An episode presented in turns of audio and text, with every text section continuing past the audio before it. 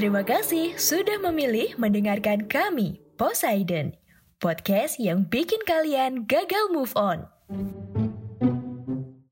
Halo selamat datang di konten paling random podcast dari Indonesia di luar kelas.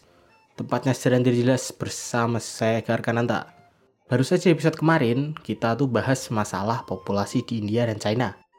Ternyata malah ada berita kalau Kim Jong-un sampai nangis minta warga negaranya supaya beranak lebih banyak.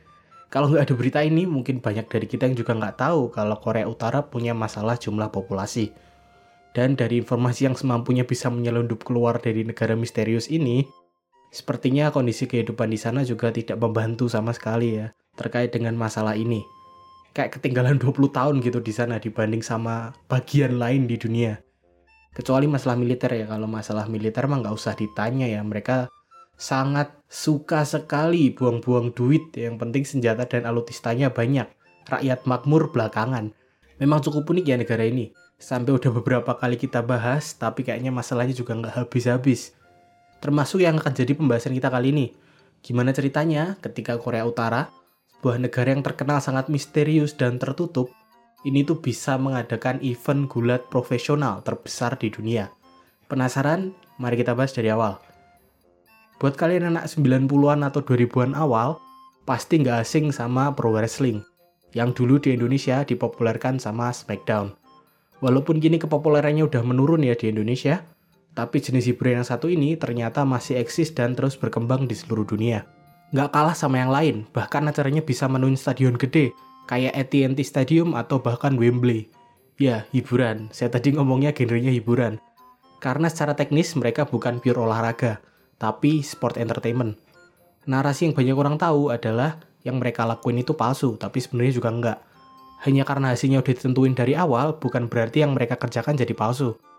Mereka memang nggak bener-bener dipukul dari tendang kayak petinju dan atlet MMA, tapi jangan lupa kalau mereka ini harus dibanting sehari-hari. Kerja mereka tuh tetap aja banting tulang ya, literally. Nggak kayak tinju dan UFC di mana mereka kerjanya tuh beneran berantem. Para pegulat profesional ini melakukannya buat hiburan orang-orang. Jadi mereka lebih mirip aktor dan stuntman yang menyampaikan sebuah cerita pakai badan live lewat pertandingan mereka.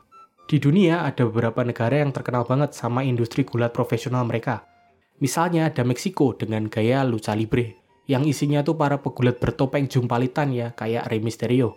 Kemudian ada Amerika Serikat, yang ngandelin cerita di setiap pertandingannya, dan juga ada Jepang, yang terkenal dengan gaya kerasnya karena ada campuran bela diri di dalamnya. Kalau ngomongin dunia pro wrestling Jepang, pasti akan ada sebuah nama yang muncul. Dan bukan cuma karena terkenal, tapi juga karena influence dan impact-nya tuh gede banget buat jalannya industri ini di sana. Siapa lagi kalau bukan Antonio Inoki? Kalian bisa tanya semua orang Jepang, saya bisa jamin mereka pasti tahu siapa orang ini. Mengawali karirnya sebagai seorang pegulat profesional yang sangat sukses, nggak cuma di Jepang tapi juga di Amerika, dan juga pernah ngelawan hampir semua pegulat ikonik di masanya. Nggak cuma berhenti di situ, dia juga pernah ngelawan Muhammad Ali, dalam pertandingan yang disebut-sebut sebagai pertandingan MMA pertama di dunia pada 26 Juni 1976.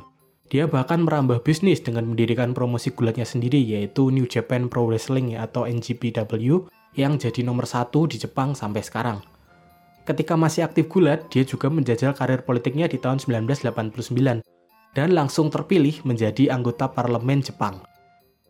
Dalam periode pertamanya di politik ini, dia bahkan sukses dalam negosiasi membawa pulang tentara-tentara Jepang yang saat itu jadi tahanan waktu Perang Teluk. Hal ini bisa dilakukan karena pemimpin Irak waktu itu, Saddam Hussein, katanya ngefans sama dia. Gimana? Kurang legend apa lagi coba? Sayangnya di tahun 1994, pas ketika dia mau nyalon lagi buat periode selanjutnya di parlemen, sebuah skandal besar muncul. Keterlibatan Yakuza dalam industri gulat profesional Jepang ini menyeruak ke publik. Antonio Noki juga ikut tersangkut masalah ini, bersama dengan promosi miliknya yaitu NJPW dan juga karir politiknya, yang sekarang legitimasinya itu dipertanyakan oleh publik. Jadi dia mau nggak mau harus nyari solusi, bukan cuma memperbaiki nama baik perusahaannya, tapi juga untuk menyelamatkan karir politiknya yang baru seumur jagung ini. Di ujung lain dunia, di waktu yang sama, Eric Bischoff, pemilik dari World Championship Wrestling atau WCW, ini tuh juga lagi nyari solusi buat masalahnya Di Amerika Serikat kala itu, WCW ini tuh lagi dilihat sebagai promosi gulat nomor 2. Masih di bawah WWF. Selain rebutan talent, mereka juga rebutan potensi pasar yang sama. Jadi, WCW ini beneran lagi butuh solusi segar buat menarik orang-orang ke produk mereka. Sementara itu di Korea Utara, pendiri sekaligus presiden kesayangan mereka yaitu Kim Il Sung, ini tuh baru saja meninggal dunia setelah terkena serangan jantung. Supreme leader baru mereka, Kim Jong Il, sangat membutuhkan hal besar, bukan cuma buat negaranya, tapi juga buat membuktikan ke seluruh dunia kalau dia tuh punya kemampuan dan kesiapan untuk memimpin Korea Utara. Yang tiga pihak ini tidak ketahui adalah bahwa kira-kira dalam jangka waktu satu tahun ke depan, mereka bertiga akan berkolaborasi untuk menciptakan sebuah event yang akan menempatkan diri mereka dalam catatan sejarah dunia. Jadi di saat kebingungannya ini, Antonio Inoki menyadari bahwa solusinya selama ini ada di dalam dirinya. Walaupun lagi kena kasus, dia tetaplah seorang Antonio Inoki, seorang pegulat legend yang punya karisma buat menarik orang buat nonton dia. Gak usah aneh-aneh, kenapa nggak bikin event gulat yang cukup besar aja? Cukup besar buat mengalihkan perhatian publik dari kasus dia. Dia kemudian mengontak Eric Bischoff ya, yang dengan senang hati ini tuh mau diajak kerjasama. Oke, udah agak kebentuk nih Jepang lawan Amerika. Nah, sekarang kira-kira tinggal cari tempatnya yang cocok ini di mana. Terlintas ide gila Inoki buat ngadain event ini di Korea Utara. Tempat yang bukan cuma sangat unik, tapi juga bisa buat bikin narasi baru.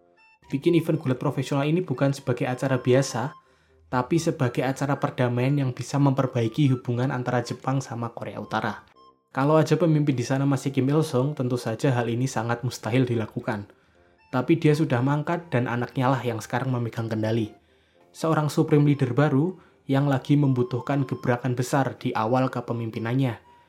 Berkat koneksi politik yang dia punya, akhirnya Antonio Inoki bisa mengontak pihak Korea Utara dan menyampaikan ide gilanya yang ternyata kemudian disetujui sama pihak Korea Utara yang juga lagi desperate cari solusi. Dimulailah perencanaan buat event ini. Siapa-siapa aja yang akan diajak dan pertandingannya mau kayak gimana hal-hal teknis gitulah. Nah, buat main event, buat show yang utama, Antonio Inoki ini rencananya akan ngelawan talent terbesarnya WCW saat itu, yaitu Hulk Hogan. Tapi ternyata ketika tahu acaranya akan ada di Korea Utara, Hulk Hogannya nggak mau. Akhirnya mau nggak mau, Eric Bischoff harus cari penggantinya. Yang star powernya ini tuh nggak kalah jauh sama Hulk Hogan. Dan bisa nyamain Antonio Inoki di ring, jadi nggak jeglek banget gitu. Untungnya mereka punya Ric Flair yang juga sama-sama legendnya.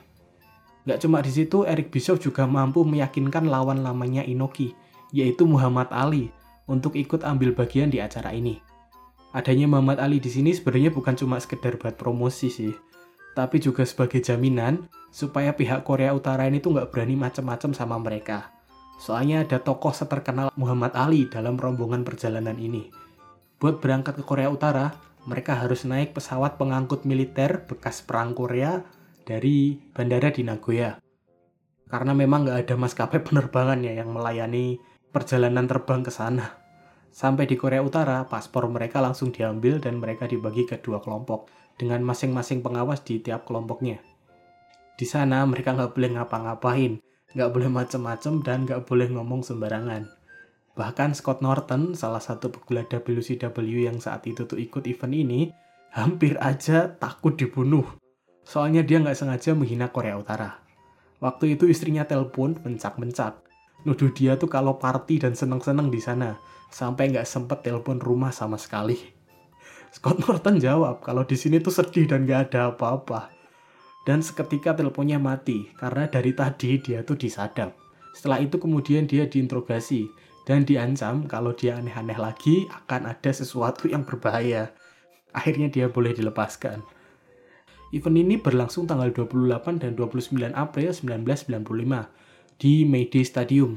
Stadion yang kala itu masih memegang rekor sebagai stadion dengan kapasitas penonton terbesar di dunia. Nama resmi acara ini adalah Pyongyang International Sport and Culture Festival for Peace, tapi kemudian lebih dikenal dengan nama Collusion in Korea. Dibuka sama parade militer dan kesenian khas Korea Utara, acara ini openingnya malah lebih meriah daripada Olimpiade. Tiba di acara utamanya, para penonton yang full memenuhi stadion ini disuguhkan dengan berbagai pertandingan antara pegulat Jepang dan juga Amerika. Pertandingan gulat profesional yang bikin mereka bingung sendiri tanpa ekspresi. Pertama, mereka nggak tahu konsepnya pro wrestling itu kayak gimana. Jadi mereka ngarepnya nonton orang yang berantem beneran. Yang kedua, penampilan dan ukuran para pegulat ini tuh jelas-jelas adalah pemandangan yang sangat unik buat masyarakat di sana. Bayangin aja, warga negara ini tuh lagi krisis kelaparan. Tiba-tiba ada orang yang ukurannya literally dua kali lipat mereka, ini tuh saling banting-bantingan di depan matanya. Belum lagi ada para pegulat wanita yang juga memeriahkan acara ini. Apa nggak tambah bingung sendiri mereka? Tapi anehnya, sepanas apa pun para pegulat ini diring, para penonton ini tuh cuma ngelihat nggak bergeming.